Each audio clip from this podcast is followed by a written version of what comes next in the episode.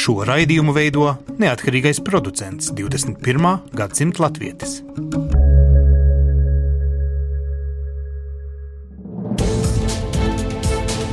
Septiņas dienas Eiropā piedāvā Eiropas radiotīkls Eironet.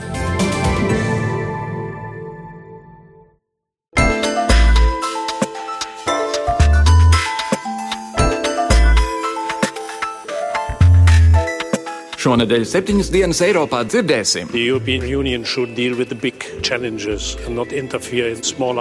Dalīšana Austrum Eiropas un Rietum Eiropas valstu grupā ir relikts no pagātnes.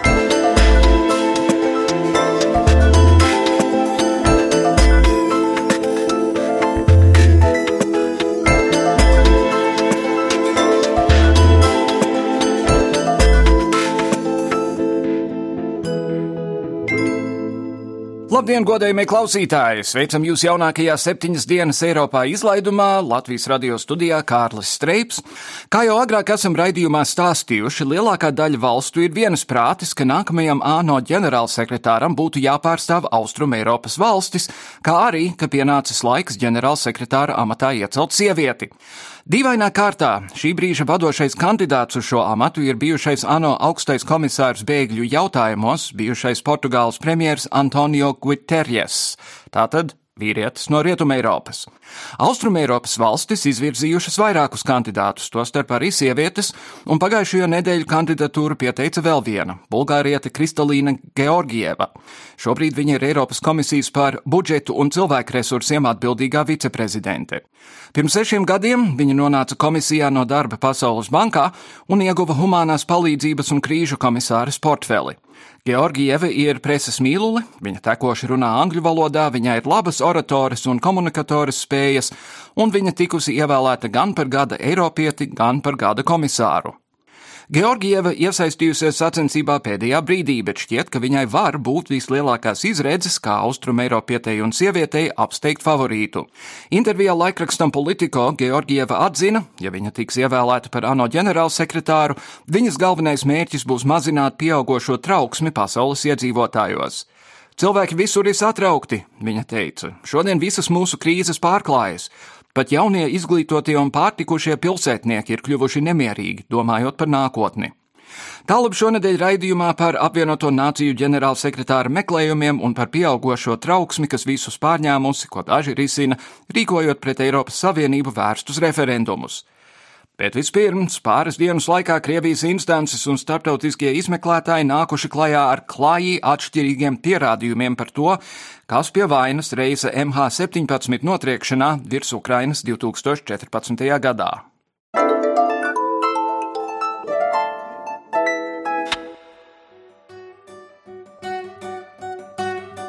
Pagājušo nedēļu Nīderlandes vadīta starptautiskā komisija publiskoja izmeklēšanas rezultātus 2014. gadā avarējušā Malaysia Airlines pasažieru reisa lietā.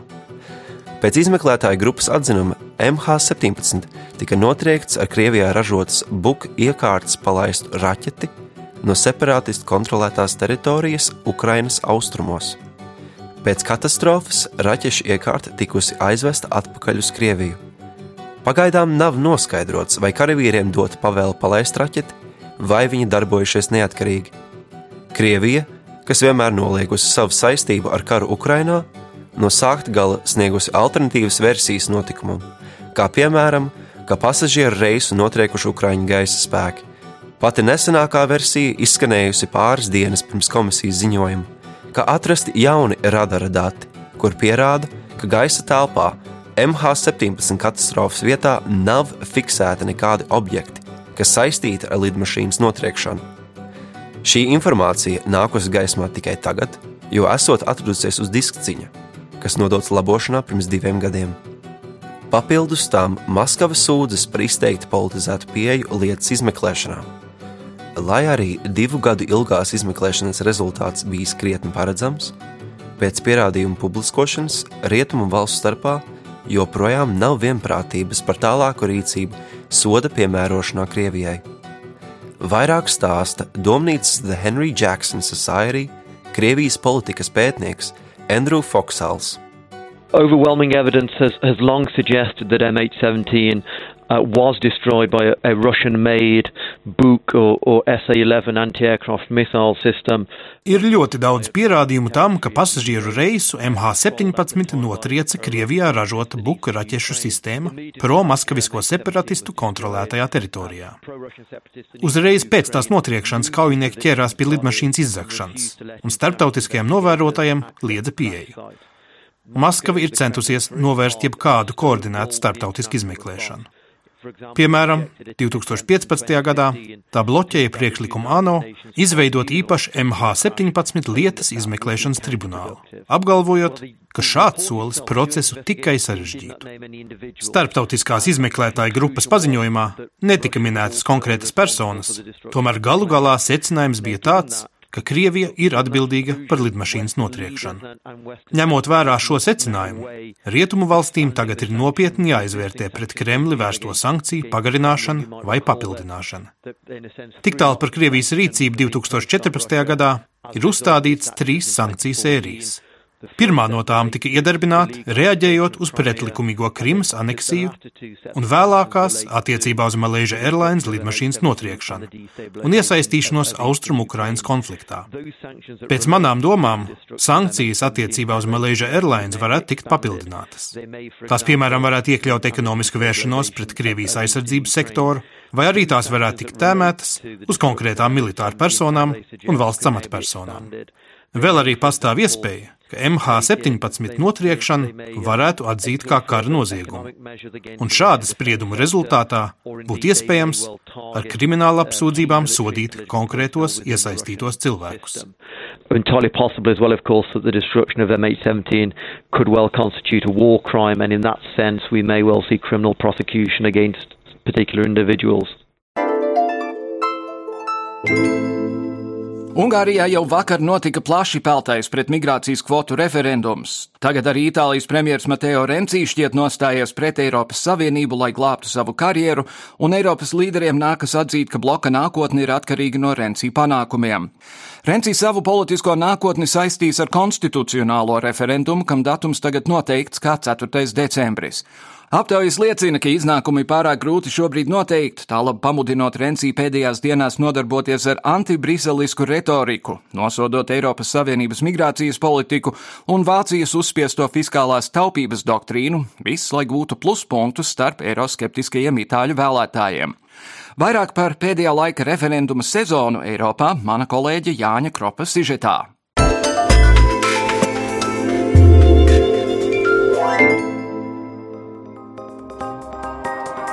Eiropas Savienības bēgļu kvotas ir politiski izgāzušās tā vēl pirms Ungārijas referenduma sacīja šobrīd Eiropas padomē prezidējošās Slovākijas premjerministrs Roberts Fico. Viņš ir viens no tiem politiķiem, kurš asi iestājas pret solidāriem bēgļu sadalas mehānismiem Eiropas Savienībā, jo uzskata, ka tas sagraus valstu nacionālo identitāti. Ungārijas referendumā, kas notika vakar, jautājums bija pavisam vienkāršs. Vai jūs vēlaties, kā Eiropas Savienība bez nacionālās sapulces, jeb parlamenta piekrišanas, uzdod obligātā kārtā pārvietot uz Ungāriju personas, kuras nav Ungārijas pilsoņi? Kā jau paredzēts, ievērojami lielākā daļa balsotāju, protams, pateica, ka nē. Pēc referenduma dati liecina, ka 95% nobalsojušo atbalstīja valdošās partijas aicinājumu iebilst Briselei. Tomēr Ungārijas referendumu nevarēs izmantot kā spēcīgu kārtu sarunās ar Briseli, jo balsotāju aktivitāte ir bijusi gaužām zema - tikai 45%, kas ir nepietiekami, lai uzskatītu referendumu par izdevušos. Līdz ar to jāsacina, ka Ungārijas premjerministra Viktora Orbana kampaņa pret bēgļu kvotām nav bijusi pavisam veiksmīga. Ungārijas opozīcija aicināja boikotēt šo referendumu, savā ziņā varbūt pilsoņi arī ir izdarījuši. Ungārijas referendums gan ir daļa no lielās diskusijas, ir vai nav Eiropas Savienība nonākusi krīzē. Jūnijā šoks bija Lielbritānijas izstāšanās balsojums, kas uzreiz radīja iespējas daudziem nacionāli radikāļiem aicināt līdzīgus balsojumus veikt arī citās Eiropas Savienības dalībvalstīs. Viens no šādiem nemitīgiem nemiera cēlājiem ir arī Ungārijas premjerministrs Viktors Orbāns. Viņš vienmēr ir neapmierināts ar notikumiem Eiropas Savienībā, tāpēc arī Ungārijas referendums raisīja jautājumus, ir vai nav pienācis laiks domāt par politiskās retorikas maiņu Eiropas. Eiropas Savienībā. Eiropas komisijas prezidents Žans Klods Junkers bieži izceļas ar savu stingrību un bieži vien pat tādu kā augstprātību. Bēgļu kvotas viņš austrumēropiešiem vienkārši ieteica sākt iemīļot, bet visas diskusijas par Eiropas Savienības politisko krīzi raksturoja pavisam īsi. Krīze ir tikai dažu valstu vadītāju galvās. Eiropas Savienība necieš neveiksmi. Atsevišķas dalībvalstis cieš neveiksmi, un tā ir vienīgā atšķirība. Eiropas komisija jau pagājušajā gadā atbalstīja manu priekšlikumu, kā reaģēt uz bēgļu krīzi. Eiropas parlaments arī mani atbalstīja, turklāt reaģēja ļoti ātri. Eiropas Savienības valstu ministri piekrita šim plānam, bet kaut kādā veidā dažas dalībvalstis pārdomāja, un tagad izliekas, ka vienošanās nav bijusi. Ministru sanāksmēs ir pārstāvētas dalībvalstu valdības, tāpēc es nesaprotu, no kurienes tādi iebildumi. To, ka Eiropas Savienības vadībai nav laika risināt atsevišķu dalību valstu kaprīzes intervijā žurnālistiem atzina arī Eiropas parlamenta priekšsēdētājs Martins Šulcs. Eiropas Savienībai ir jānodarbojas ar lielu jautājumu risināšanu, nevis jābāž deguns nelielās problēmās. Bēgļu krīze ir liels izaicinājums, un Eiropas Savienībai ar to jātiek galā. Tomēr kas bloķē risinājumus? Atsevišķas dalību valstis. Ja salīdzina statistiku, tad sanāk, ka Vācija pagājušajā gadā uzņēma ap miljonu cilvēku, kas ir daudz dalību valstī, bet netik daudz visam blokam. Taču, ja tikai četras vai piecas valstis cenšas risināt šo krīzi, kamēr 20 no tās izvēlas, izvairās, tad bēgļi ir milzīga problēma. Mēs pieņēmām noteikumus, ko darīt, bet valsts cenšas izlikties, ka to nav. Tāpēc arī es uzskatu, problēma sakņojas nacionālo valstu līmenī. Acīm redzami, ka sakot šo, Šulcs domāja Čehiju, Slovākiju, Ungāriju un Poliju - valstis, kuras atsakās izpildīt bēgļu kvotu prasības. Tāpat var saprast arī turīgo dalību valstu nepatiku, ko piesauca Junkers. Viņš pauda neizpratni, ka solidaritāte no jaunajām dalību valstīm izpaužas tad, kad tās vēlas iegūt vairāk naudas no attīstības fondiem, vai arī kad tās lūdz palīdzību attiecībās ar Krieviju. Mirklī, kad jaunajām dalību valstīm ir jāpalīdz vecajām, tā solidaritāte ir beigusies. Tomēr ārpus iemesliem, kas liek atsevišķiem politiķiem būt dusmīgiem par nacionāliem izliecieniem, cits jautājums ir par referendumu būtību. Jau Brexit gadījumā izskanēja, ka ir jautājumi, kuros tautas nobalsošana nav vēlama jautājumu sarežģītības dēļ. Brexit lieliski parādīja to, ka tauta pati nesaprata, par ko balso, vai līdzīgs referendums ir arī noticis šobrīd Ungārijā, komentē Ivars Ieps. Ungārijas referendums ir sastāvdaļa kādai plašākai tendencei, kur dažu Eiropas Savienības dalību valstu elites, lai pateiktu nē Briselē, izmanto vienkārši, kā saka, tautas viedokli, veidojot šādus manipulatīvus tautas nobalsošanas. Es domāju, ka pirmais no šādiem gadījumiem, protams, bija tas referendums, kurš tika rīkots Grieķijā attiecībā uz šo palīdzības paketi. Nu, Brexits pavisam viennozīmīgi iedarās arī šajā kategorijā, nu, un šobrīd Ungārijas referendums. No tādēļ raugoties, protams, ka uh, tautas nobalsošanas, kuras arī Latvijā ir lielā cieņā, protams, ir neapšaubām tautas demokrātiskās gribas izpausme, bet nevajadzētu aizmirst to, ka jebkura tautas nobalsošana masu demokrātijās ir arī lieliski iespēja elitēm manipulēt ar sabiedrības viedokli un šādā veidā piesaistīt uzmanību tai vai citai sev svarīgai tēmai. Pirms referenduma Ungārijas premjerministrs dižojās, ka tas viņa rokās ieliks spēcīgu kārti sarunām Briselē, tomēr referenduma rezultāti liecina, ka oficiāla mandāta viņam nav. Vai balsojuma rezultāti varētu izmainīt spēku samēru par labu Briselē, turpina politologs Ivars Ijaps arī pašreizējais rezultāts Orbānam ir kaut kādā ziņā apmierinošs, jo viņš var teikt, ka 90 pāri procenti nobalsoja par to, ka nē, nu labi, nesanāca kvorums, bet nu vienalga, kā mēs redzam, Ungārijas tautas viedoklis ir viennozīmīgi pret bēgļu uzņemšanu. Līdz ar to tas nepārtraukti tiks izmantots. Es domāju, ka mēs agri vai vēl nonāksim pie vēl citiem referendumiem šajā pašā virzienā. Savukārt, kas attiecās uz to, vai tas Orbāna pozīcija pozīcijas ir kaut kādā veidā stiprinājis. Nu, jā, nu, viņam šobrīd nav tā legālā mandāta, jo nu, šī referenduma rezultāts nav bijis saistošs.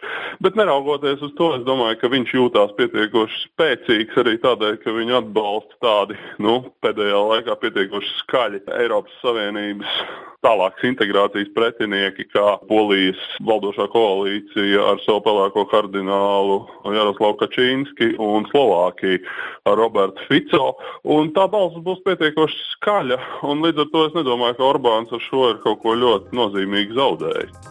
Lai arī Ungārijas referendums nav saistošs, jo tam trūks legālā tautas mandāta, šis ir kārtējais atgādinājums, ka lēmumi no Briseles ir jāmāk izskaidrot katras dalībvalsts iedzīvotājiem.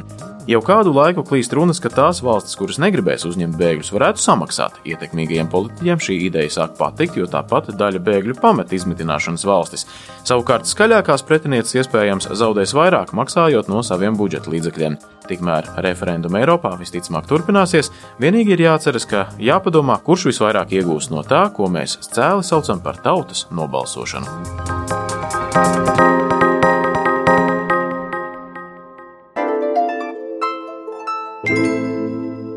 ANO drošības padomē un pat no ģenerālsekretāra Bana Kimūna izskanējuši šai starptautiskai organizācijai neierasti skarbi vārdi, nosodot Krievijas karaspēku un prezidenta Asāda noziegumus Sīrijas karā un pārmetumi par trauslā pamiera izjaukšanu. Ir tie, kam ir bāžas, ja nākamais ANO ģenerālsekretārs būs no kādas no Austrumēropas valstīm, tad Krievija varēs vēl brīvāk ignorēt vai apiet starptautiskos līgumus. Viesos studijā Rīgas juridiskās augstskolas lektore, starptautisko tiesību eksperte Ieva Miļūna. Labdien! Labdien! Vispirms esam sazinājušies ar Latvijas pastāvīgo pārstāvi ANO vēstnieku Jāni Mažēku, lai uzzinātu pēdējos jaunumus no apvienotajām nācijām. Labdien! Sakiet, lūdzu, kādi ir jaunumi attiecībā uz ģenerālsekretāra vēlēšanām? Pirmkārt, jāsaka, ka šis ir gads, kad pirmo reizi mēs tiešām varam runāt par Austrum Eiropas grupas kārtu līdz šim 17 gadu laikā ar visiem pārējiem reģioniem. Bijuši ģenerāla sekretāri no dažiem reģioniem pat vairāk kārt, un Austrum Eiropas grupas nav bijis nereizi. Un daļai es teiktu, ka tas ir arī mūsu prezidents Vaits Viķis Freibergs nopelns, kura jau pirms desmit gadiem, kā jūs atceraties, tika pieteikta kā Baltijas valstu kopīga kandidāte uz ģenerāla sekretāra amatu. Un uh, toreiz faktiski jau tika ieplēsti tie stikla griezti, proti 50 gadus nebija bijis neviens kandidāts ne no Austrum Eiropas, ne arī neviena sieviete kā kandidāte. Un šogad tā situācija ir tiešām radikāli savādāka. Vairums no kandidātiem ir no Austrum Eiropas grupas. Kā viņiem veiksies, šobrīd ir joprojām vēl grūti pateikt. Tāpēc, ka līdz šim ir notikuši pieci tās augstie ANO drošības padomas indikatīvie balsojumi. Proti, ka tie ir balsojumi, kuros nav zināms, kura no valstīm ir balsojusi, un nav arī zināms, vai kādu kandidātu atbalsta pastāvīgā dalība valsts vai nepastāvīgā dalība valsts. Proti, lai kādu kandidātu varētu ievēlēt par ANO ģenerālu sekretāru, viņam ir jāiegūst deviņu drošības padomus dalību valstu atbalstu, tā skaitā arī viņam nedrīkst būt neviena pastāvīgās dalību valsts veto. Un pirmās indikācijas par veto mēs saņemsim šonedēļ, jo joprojām turpināsies indikatīvie balsojumi, bet šoreiz tā sistēma jau būs mazliet savādāka, proti, ka pastāvīgajām dalību valstīm būs vēlēšanu zīmes citā krāsā, lai būtu redzams, vai konkrētajam kandidātam ir arī iebildumi pret viņu kādai no pastāvīgām dalību valstīm. Jo līdz šim vislabāk ir veicies Antonio Guterešam, kurš ir politiķis no Portugāles ar plašu pieredzi ANO, taču arī viņam šajos slēptajos balsojumos ir bijušas vairākas valstis, kuras ir balsojušas pret viņa kandidatūru, bet, protams, mēs šobrīd nevaram zināt, vai tās ir kāda no pastāvīgajām dalību valstīm vai nē. Un kāda loma šajā procesā varētu būt Krievijai? Krievijai ir viennozīmīgi viena no visnozīmīgākajām valstīm, jo viņa ir viena no pastāvīgajām dalību valstīm. Viņiem ir veto tiesības, kuras, protams, viņi arī var likt lietā, līdz ar to apstādinot kādu kandidātu, izredzes virzīties uz priekšu. Tas, ko Krievijas pārstāvji ir teikuši publiski, ka viņi gribētu redzēt Austrum Eiropas pārstāvju ģenerālsekretāra amatā. Cik šī nostāja ir dzelžēna, nu to mēs redzēsim turpmākajos balsojumos. Un pēdīgi vai tiešām liekas, ka šogad beidzot ievēlēs Austrum Eiropieti un arī sievieti? Šogad sieviešu kandidāšu ir apmēram puse, un turklāt ar viņām ir tiešām ļoti augsti kvalificētas kandidātes. Nu pat ir pieteikta vēl viena sieviete, Kristīna Georgieva, kas ir viena no Eiropas komisijas komisāriem. Viņa ir labi atpazīstama šeit, un Latvijas valdība jau ir paudusi publisku atbalstu viņai kā kandidātei. Nu, līdz ar to ir mūsu cerība, ka viņai varētu veikties labi un ka viņa arī varētu būt tā sieviete no Austrum Eiropas, kur varētu kļūt par ANO ģenerālu sekretāru. Labi, paldies eh, vēstniekam Jānim Mažeikam. Atgādinu, studijā ir Rīgas juridiskās augstskolas lektore Ieva Miļūna. Labdien vēlreiz! Labdien! Um, jūs pati esat strādājusi apvienoto nāciju organizācijā pāris gadus. No iekšpuses droši vien šis jautājums izskatās drusku citādāk nekā mums no ārpuses. Jā, no iekšpuses tas izskatās būtībā kā balsu dalīšana, balsu apmaiņa un tādi jautājumi, kas saistās ar, ar piederību valstu grupām. Es gribētu teikt, ka, ka dalīšana Austrum Eiropas un Rietum Eiropas valstu grupā ir palieka vēl no augstā kara gadiem, ka būtībā šāds dalījums ir ticis izslēgts Eiropas padomē, Eiropas Savienībā un būtībā ir relikts no pagātnes. No vienas puses, atkal raugoties, piemēram, ja Latvija izvirzītu kandidātu, tai būtu lielākas iespējas ietekmēt procesus, jo, jo Austrum Eiropas grupa ir samērā maza valstu grupa. Un vieglāk būtu panākt konsensusu par to, ko Austrum Eiropas grupa atbalstītu kā savu kandidātu. Tomēr es teiktu, ka šajā stadijā būtu jāpieturās tomēr pie kritērijiem, ko nosaka ANO statūti, ANO ģenerālsekretāram, un, protams, ka primārā atbildība šeit ir ANO drošības padomas pastāvīgajām loceklēm. Un tajos kritērijos nav doma, tu esi dzimusi Sofijā vai tu esi dzimis Varšavā. Nē, tajos kritērijos nav tāda kritērija. Būtībā ANO statūti nenosaka tik strikti, kādas būtu prasības kandidātam. Tas, protams, gandrīz vienmēr ir valstu valdību vadītāji, bijušie valstu bijušie prezidenti, ārlietu ministri, kuri ir ļoti stingri vidutāji starp visiem starptautiskajiem spēlētājiem, kādi ir nepieciešami ANO politikas un ANO tiesību kontekstā. Ja ģenerālsekretāru izvēlās eh, drošības padomi, tad tur zināmā mērā ir gandrīz vai gadījuma raksturs, jo tur biedri mainās reizi divos gados, ja nemaldos, un tad trāpās tajā brīdī, kad ir eh, vēlēšanas ģenerālsekretāram. Jā, tieši tā. ANO nepastāvīgās eh, loceklis mainās reizi divos gados, un pašlaik prezidējošā ir Jaunzēlanda septembra mēnesī, un tālāk seko nākošās. Es teiktu, ka Situācija ANO drošības padomē līdz ar pamieru izjaukšanu Sīrijā ir ļoti nokaitēta, jo pagājušajā sestdienā un svētdienā ANO drošības padome tika sasaukt uz ārkārtas sēdi. Vienu sesiju sasauca Krievija, un otru sesiju sasauca Briti un Amerika, un mēģināja rast risinājumu, ko darīt ar šiem te krasiem pārkāpumiem Sīrijā, kas tika konstatēti no Krievijas puses.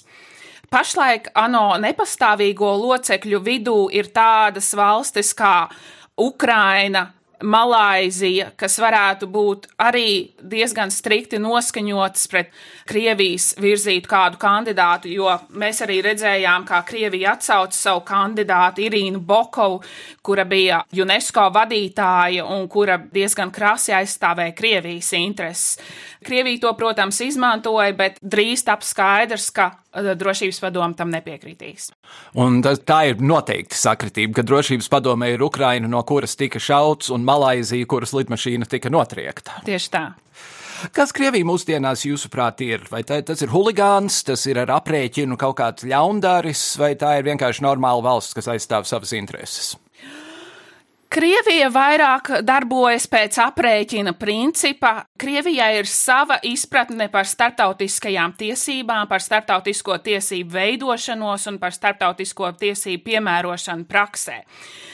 Attiecībā uz Sīriju Krievija darbojas kā ļoti radikāls uh, huligāns, jo Krievija diezgan aktīvi pēc Asada, protams, pieprasījuma, diezgan aktīvi piedalās karā Sīrijā. Neskatoties uz to, ka iekšēji valstī ir diezgan daudz dažādi spēki, ir gan kurdi, gan Daesh uh, teroristiskais grupējums, ir gan mērenā opozīcija, kas ir pret Asadu vērstie spēki. Krievija izmanto šo situāciju Protams, lai nostiprinātu savu ietekmi reģionā un un, protams, lai skatītos, kā, cik tālu ASV būs gatava iet Sīrijas karā.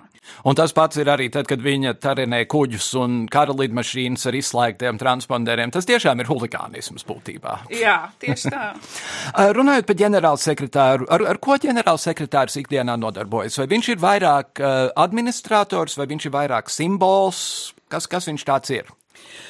ANO ģenerālsekretāram ir, protams, reprezentatīvas funkcijas un administratīvas funkcijas ANO sistēmas ietveros. ANO ģenerālsekretārs piedalās gandrīz visās augstākā līmeņa sanāksmēs, kur viņš uzstājas vai no arī uzrunu, vai ir tikai klātesošs. Viņš, protams, reprezentē ANO kā organizāciju ārvalstīs, tādējādi pildot reprezentatīvas funkcijas.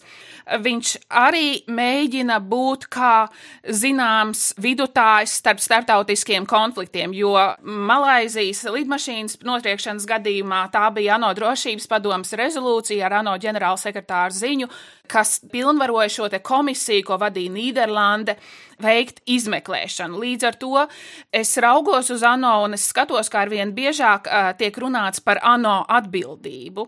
Startautiskajās tiesībās ir tādi panti par startautisko organizāciju atbildību. Nebieži viņi tiek piesaukti, jo nav jau reāla jurisdikcija, kurā tiesā tad ANO tiks sūdzēta.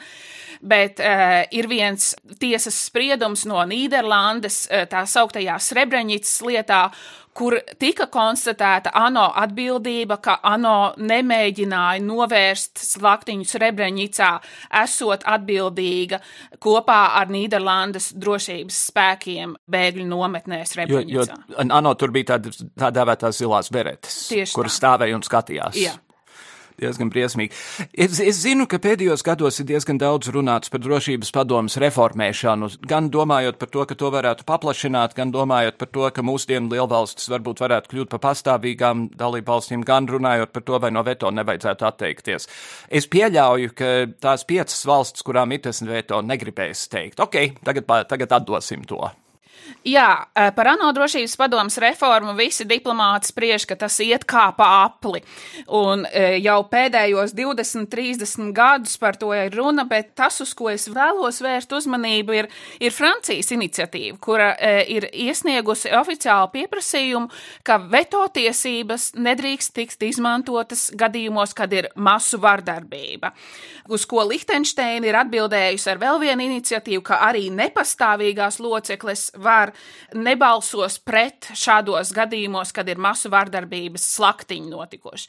Līdz ar to tas uzsvars mazliet mainās, un ANO drošības padome tiek likta zem lupas attiecībā uz to kvalitāti, nevis attiecībā uz kvantitāti drošības padomes pastāvīgo locekļu vidū. Jo, protams, tad, tur nav valstu saskaņas, un ir, ir mazāks skaits, ir lielāks skaits, kas tiek minēts, eh, lai paplašinātu eh, pastāvīgās loceklis bet bez jauna kara vai, vai citāda veida transformējošiem mehānismiem tas nav iespējams. Mm -hmm. Bet konkrēti tādā gadījumā, skatoties uz Sīriju un zināmā mērā arī uz Ukrainu, Krievijai būs ļoti cita interpretācija par to, kas ir masu slaktiņš un kas pie tā ir atbildīgs. Jā, tieši tā. Attiecībā uz Sīriju ANO drošības padome ir pieņēmusi apmēram 15 rezolūcijas.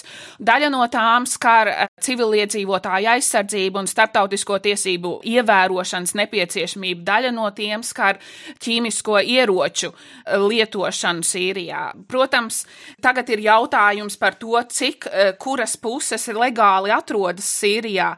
Būtībā Krievija atrodas Sīrijā pēc Asada uzaicinājumu, kas starptautiskajās tiesībās ir pieļaujams, jo valsts piekrīt konkrētai darbībai Sīrijā.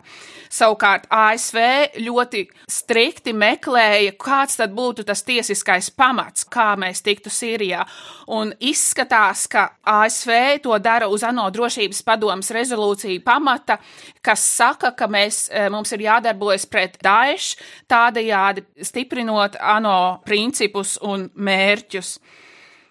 Kāda šajā visā būšanā, ja vispār kāda ir ANO ģenerāla asamblējai? ANO ģenerāla asambleja ir ļoti plaši pārstāvēta no Āfrikas reģiona, Latvijas reģiona, kas ir vienojušās tajā saucamā non-allied movement, kur daudzi jautājumi var tikt virzīti cauri ar šo te balsu vairākumu. ANO ģenerālā asambleja būtībā var pārņemt ANO drošības padomas lomu konkrētos jautājumos, ja drošības padoma ir bloķēta. Vēsturē tas ir noticis tikai kādos četros gadījumos, bet ANO ģenerālā asambleja ir bijusi ļoti rezervēta attiecībā uz to, kā tieši rīkoties starptautiskā miera un uh, apdraudējuma gadījumos. Tādējādi es vairāk skatos uz ANO ģenerāla sekretāra pusi, kur, piemēram, Kampalas grozījumu aspektā, Kampalas grozījumi ir agresijas nozieguma definēšana starptautiskās krimināltiesas statūtos. Nosaukts Ugandas galvaspilsētas. Jā. Un Kampels grozījumi paredz to, ka ļoti jūtīgajā jautājumā par to, kas ir valsts agresija, starptautiskā krimināla tiesa var rīkoties bez ANO drošības padomas lēmumu. To es saskatu kā ļoti augsta līmeņa kompromisu, kas ticis panākts Kampalā pāris gadus iepriekš, un kas stāsies spēkā sākot ar nākamā gada janvāri, ja politiskie procesi neattīstīsies savādāk. Un šajā gadījumā tiešām Startautiskā krimināla tiesa ir ieguvusi to varu, ka pirmstiesas palāta var e, lemt par lietas turpināšanu bez tā, ka valsts tiek pasludināta par agresoru tieši no drošības padomas puses. Mm. Vai te var vilkt paralēls ar Eiropas Savienību tādā nozīmē, ka ir Eiropas parlaments, kurš arī var šo to apspriest, bet patiesībā lielā teikšana ir komisijai? Jā, tieši tā. Tomēr ANO drošības padome ir tā, kas ir vadošais, ja tā var teikt, eh, orgāns eh, ANO sistēmā, kas atbild par starptautisko mieru un drošību. ANO ģenerālā asamblēja var pārņemt konkrētus jautājumus, bet, bet ANO ģenerālā asamblēja nesanāk tik bieži, cik drošības padome un uh, drošības padome būtībā darbojas uz to, ka viņa pastāvīgi kontrolē konfliktus, pastāvīgi uzrauga konfliktus. Ka, kas pārstāv valstis ģenerālā asamblējā? Jo vēlēšanas jau, jau nenotiek, vai, vai Latviju pārstāv Latvijas vēstnieks ANO? Jā, tieši tā. Tātad tā ir diplomātu sapulce. Jā, būtībā.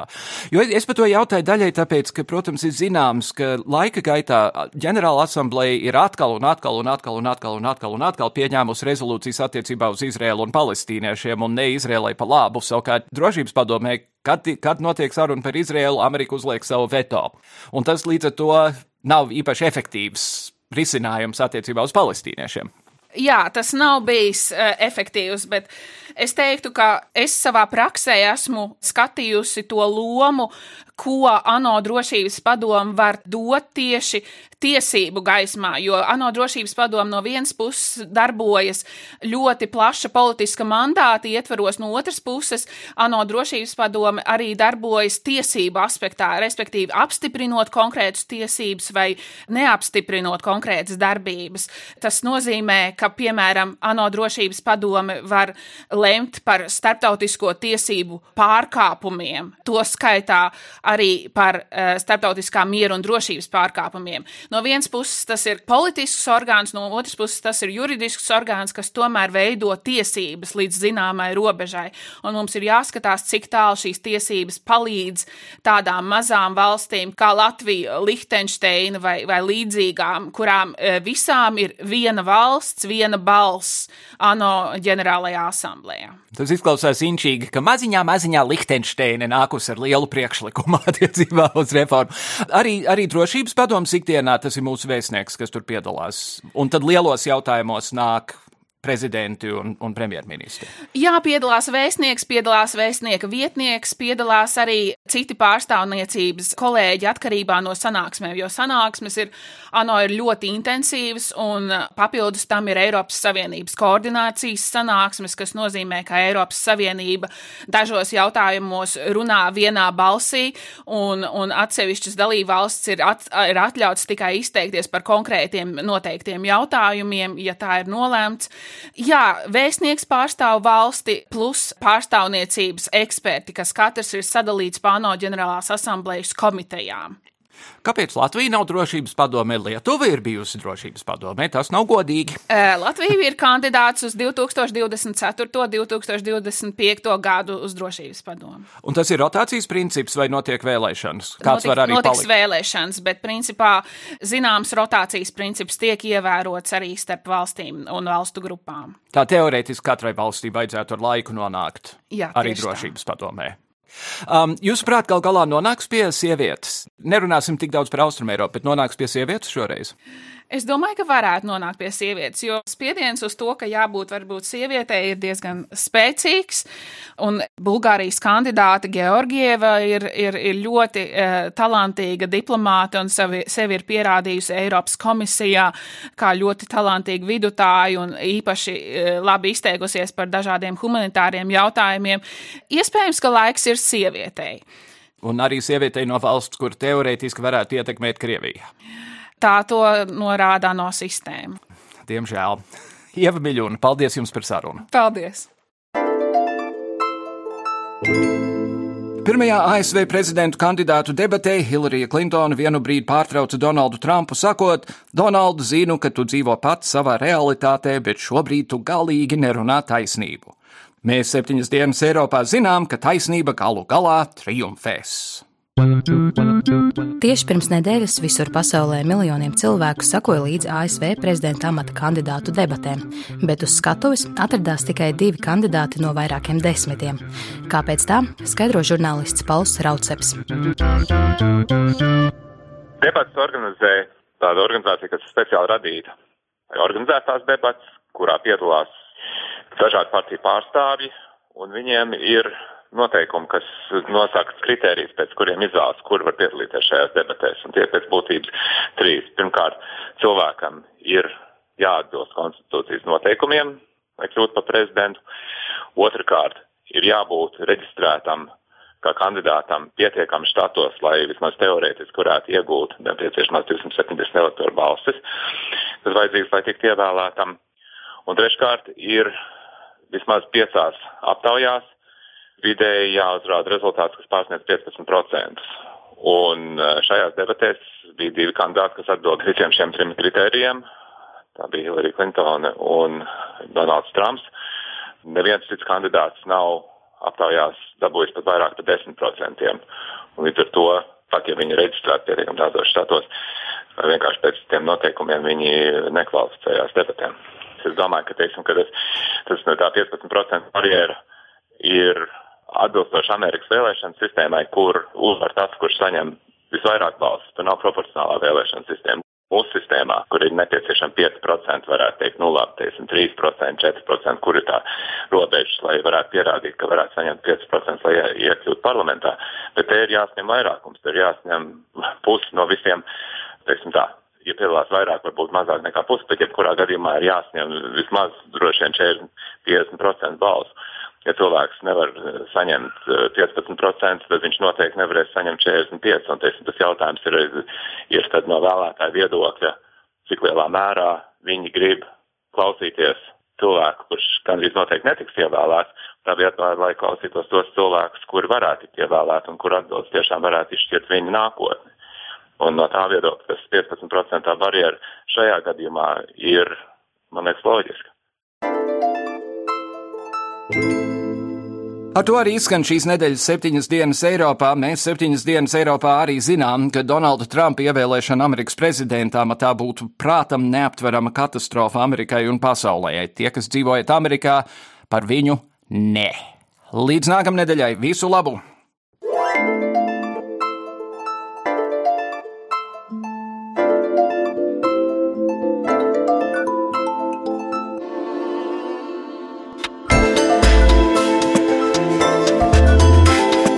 Raidījumu veido Kārlis Streips, Ieva Valēne un Jānis Krops.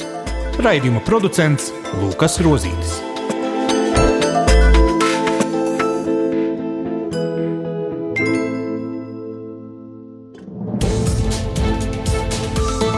Visus Eironet plus sižetus un raidījumus meklējiet Latvijas radio mājaslapā.